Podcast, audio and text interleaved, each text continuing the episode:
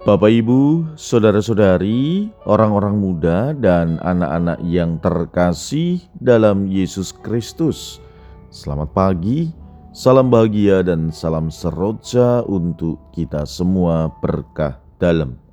Bersama dengan saya, Romo Antonius Garbito Pambuaji, menyampaikan salam dan berkat Allah yang Maha Kuasa dalam nama Bapa dan Putra dan Roh Kudus. Amin.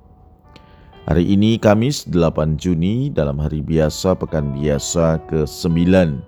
Bacaan pertama dalam liturgi hari ini diambil dari kitab Tobit bab 6 ayat 10 sampai dengan 11, bab 7 ayat 1, 6 dan 8 sampai dengan 13, dilanjutkan bab 8 ayat 1, 5 sampai dengan 9. Bacaan Injil diambil dari Injil Markus bab 12 ayat 28b sampai dengan 34. Pada suatu hari datanglah seorang ahli Taurat kepada Yesus dan bertanya, "Perintah manakah yang paling utama?" Yesus menjawab, "Perintah yang utama ialah dengarlah hai orang Israel, Tuhan Allah kita itu Tuhan yang esa. Kasihlah Tuhan Allahmu dengan segenap hati, dengan segenap jiwa, dengan segenap akal budi, dan dengan segenap kekuatanmu. Dan perintah yang kedua ialah kasihlah sesamamu seperti dirimu sendiri. Tidak ada perintah lain yang lebih utama daripada kedua perintah ini. Berkatalah ahli Taurat itu kepada Yesus, Guru, tepat sekali apa yang kau katakan bahwa dia itu Esa dan tak ada Allah lain kecuali dia memang mengasihi dia dengan segenap hati, dengan segenap pengertian, dan dengan segenap kekuatan, serta mengasihi sama manusia seperti diri sendiri, jauh lebih utama daripada semua kurban bakar dan persembahan. Yesus melihat betapa bijaksananya jawaban orang itu, maka ia berkata kepadanya, "Engkau tidak jauh dari kerajaan Allah." Dan tak seorang pun masih berani menanyakan sesuatu kepada Yesus.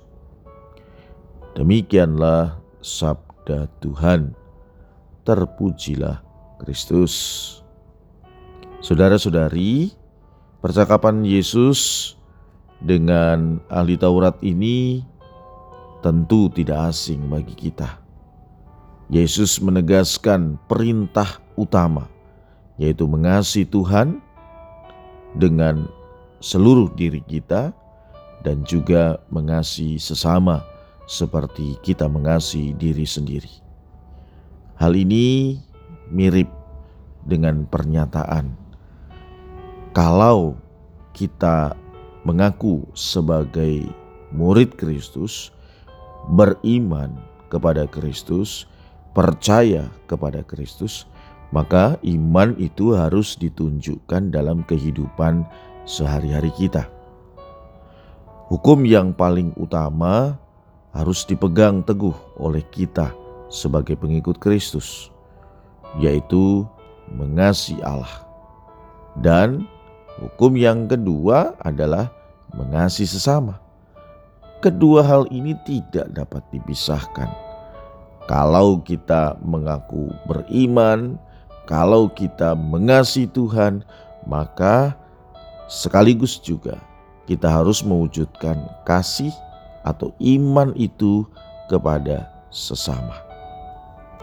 Ini panggilan kita untuk senantiasa mau membangun relasi dengan Tuhan. Dapat digunakan atau dapat dicontohkan bahwa mengasihi Tuhan itu ketika kita berdoa, mengikuti Ekaristi, merenungkan sabdanya, tetapi tidak cukup kita perlu mewujudkan itu semua dalam relasi dengan sesama, yaitu dengan tindakan kasih, pelayanan, dan berbagai kegiatan atau kebaikan kepada siapa saja.